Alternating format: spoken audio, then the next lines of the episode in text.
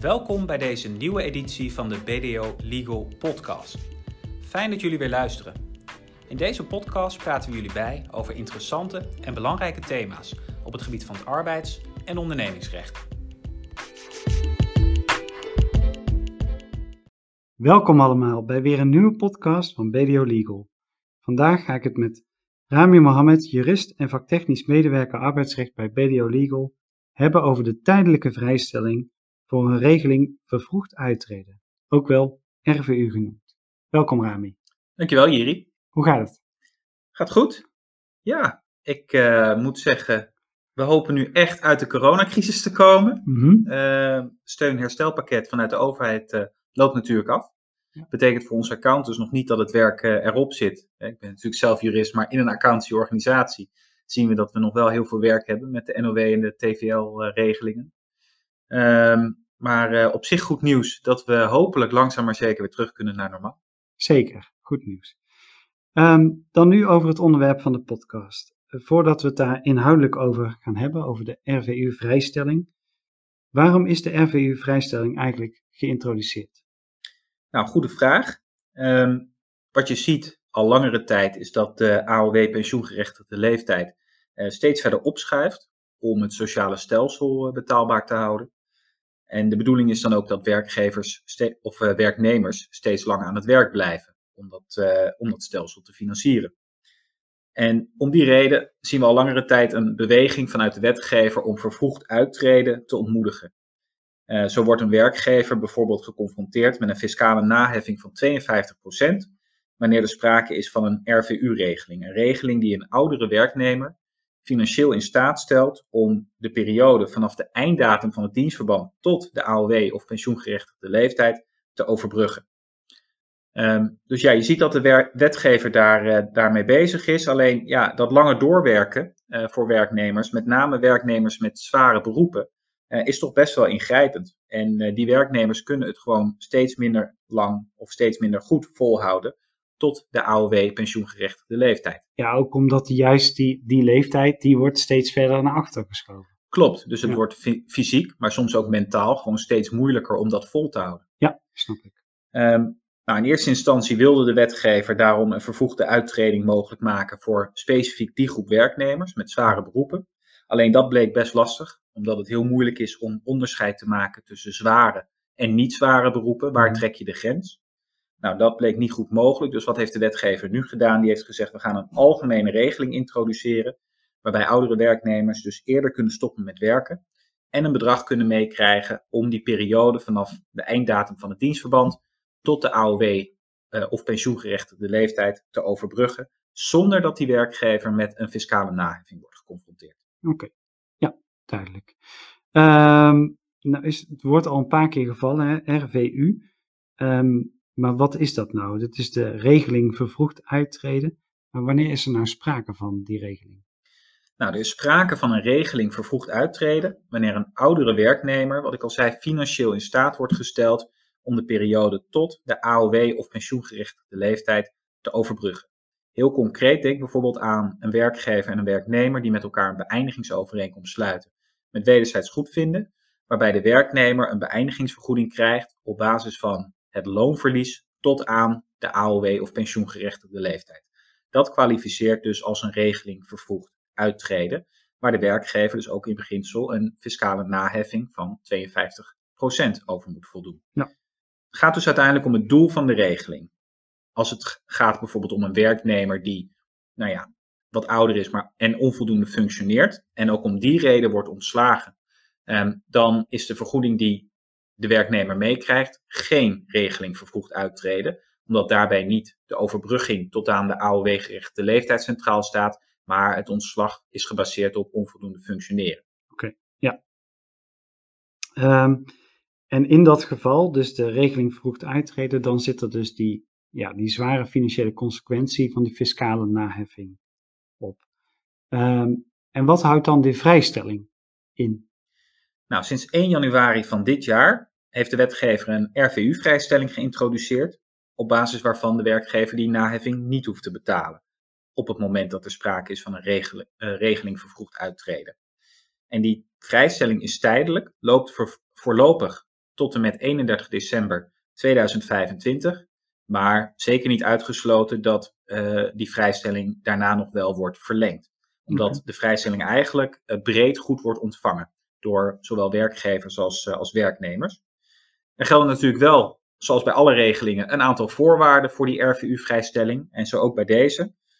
Eerste is dat de werknemer uiterlijk op 31 december 2015, dus de peri of sorry, 2025, hè, de periode waarvoor de RVU-vrijstelling geldt, uh, een leeftijd bereikt die maximaal 36 maanden voor de AOW of pensioengerechtigde leeftijd ligt. -hmm. Kort gezegd, dus drie jaar gaat het dan om, hè? 36 maanden. Klopt, ja, ja een periode van drie jaar. Um, en um, de uitkering die wordt verstrekt aan de werknemer moet ook worden toegekend in die uh, drie jaar voor het bereiken van de AOW of pensioengerechtigde leeftijd. Ja. Dus uiteindelijk, heel simpel gezegd, wordt een werknemer in staat gesteld om drie jaar eerder Ja. te stoppen met werken. Precies. Ja. Daar komt het op neer. Nou, aanvullende voorwaarde is dat er geen sprake mag zijn van een overschrijding van het drempelbedrag. En dat drempelbedrag staat gelijk aan het netto-bedrag van de AOW-uitkering voor alleenstaande personen. Dat geldt op 1 januari van het jaar waarin de uitkering Hm. wordt gedaan. Nou, voor 2021 is dat bijvoorbeeld maximaal 1847 euro bruto per maand. Ja. Ehm, het drempelbedrag moet vervolgens per maand worden berekend. Mhm. Dus dat betekent dat als de uitkering minder dan 36 maanden eh, voor de AOW of pensioengerechtigde leeftijd ingaat, de vrijstelling alleen geldt voor de resterende maanden tot aan de AOW pensioengerechtigde leeftijd. Dus Ja. het is niet zo dat je altijd een vrijstelling hebt voor 36 keer die 1847 bruto per Mhm. maand. Het gaat echt om de resterende maanden tot de AOW of pensioengerechtigde leeftijd. Ja, dus het kan ook zijn dat een bepaalde werknemer uh, de laatste twee jaar zou willen overbruggen. En dan krijgt hij alleen voor die twee jaar moet er, uh, die som berekend worden. Klopt. Oké, okay, um, kun je nog eens wat verder een, een, voorbeeld van een situatie geven waarin dit uh, handig is en hoe dat dan uitpakt? Zeker. Nou, heel concreet, hè, stel je hebt een werknemer die zwaar werk doet, bijvoorbeeld als monteur, en die werknemer bereikt op 1 december 2022 de AOW-gerechtigde leeftijd. Ja. Nou, die werknemer, uh, het werken gaat steeds moeizamer vanwege de leeftijd van, uh, van de betreffende werknemer. Dus op enig moment spreken de werkgever en de werknemer met elkaar af dat het dienstverband op 1 januari 2022 wordt beëindigd. Um, tussen de einddatum van het dienstverband en de AOW-gerechtigde leeftijd ligt een periode van 11 maanden. En dat betekent dat 11 keer de vrijstelling van 1847 bruto uh, uh, uh, kan worden toegepast. Dus 11 keer dat bedrag mag aan de werknemer worden meegegeven ehm, in het kader van beëindiging van het dienstverband. Spreekt ze nu een hoger bedrag af, dan is over het meerdere een fiscale naheffing van 52% verschuldigd. Oké, okay. maar de fiscale naheffing over dat bedrag zelf, die is dus door de vrijstelling, die komt die nu te vervallen. Klopt. Ja, dus ja. tot aan dat bedrag, 11 keer die 1847 bruto, mm -hmm. um, geldt er geen fiscale naheffing. Oké, okay. nou gunstig. Dan wordt het dus maar gemakkelijker voor werknemer en werkgever om hier naartoe te werken voor, uh, voor mensen die, uh, die dat gat willen overbruggen. Um, dat bedrag, krijg je dat dan als hè, in het voorbeeld van deze monteur, die uh, stopt dus eerder, krijg je dat dan in één keer of krijg je dat dan in termijnen?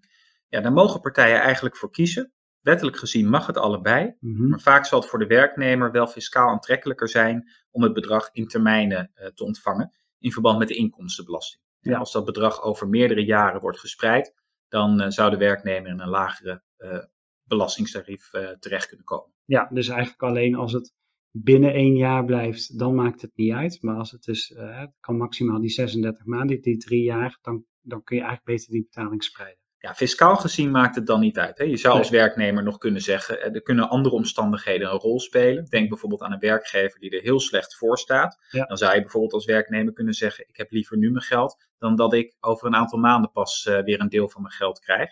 Want wie ja. weet hoe we er dan voor staan. Ja, maar goed, die werkgever zal juist zeggen, ik zit krap bij kas, dus ik wil het gespreid Zeker, dus dat kan, uh, dat kan een uh, lastige situatie opleveren. Daar moeten partijen dan uiteindelijk uitkomen. Ja. Wat, wat ik zeg, wettelijk gezien kan het allebei. Ja.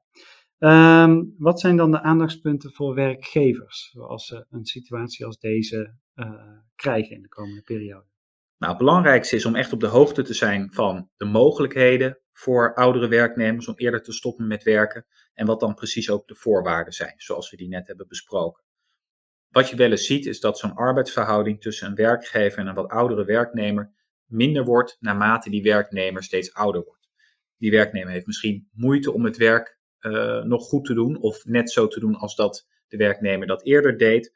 Ja, je kan er dan voor kiezen om samen de rit uit te zitten. Maar je kan natuurlijk ook zeggen, laten we kijken of we hier een passende oplossing voor kunnen vinden. Bijvoorbeeld een beëindiging van het dienstverband onder voorwaarden die voor beide partijen acceptabel zijn. Nou, die laatste optie is nu in ieder geval een stuk aantrekkelijker geworden financieel, uh, zeker voor werkgevers, omdat ze dus onder die fiscale naheffing uit kunnen komen. Um, ja, wat, wat we ook zien is dat vervroegd uittreden vaak een issue is bij zware beroepen. Dus met name werkgevers die veel werknemers hebben met een zwaar beroep, eh, doen er goed aan om hier aandacht voor te hebben. En misschien ook wel een centrale regeling op te stellen waarin staat wanneer en onder welke voorwaarden werknemers vervroegd kunnen uittreden bij die werkgever. Zo weten werknemers waar ze aan toe zijn en wordt beleid ook binnen de onderneming consequent toegepast.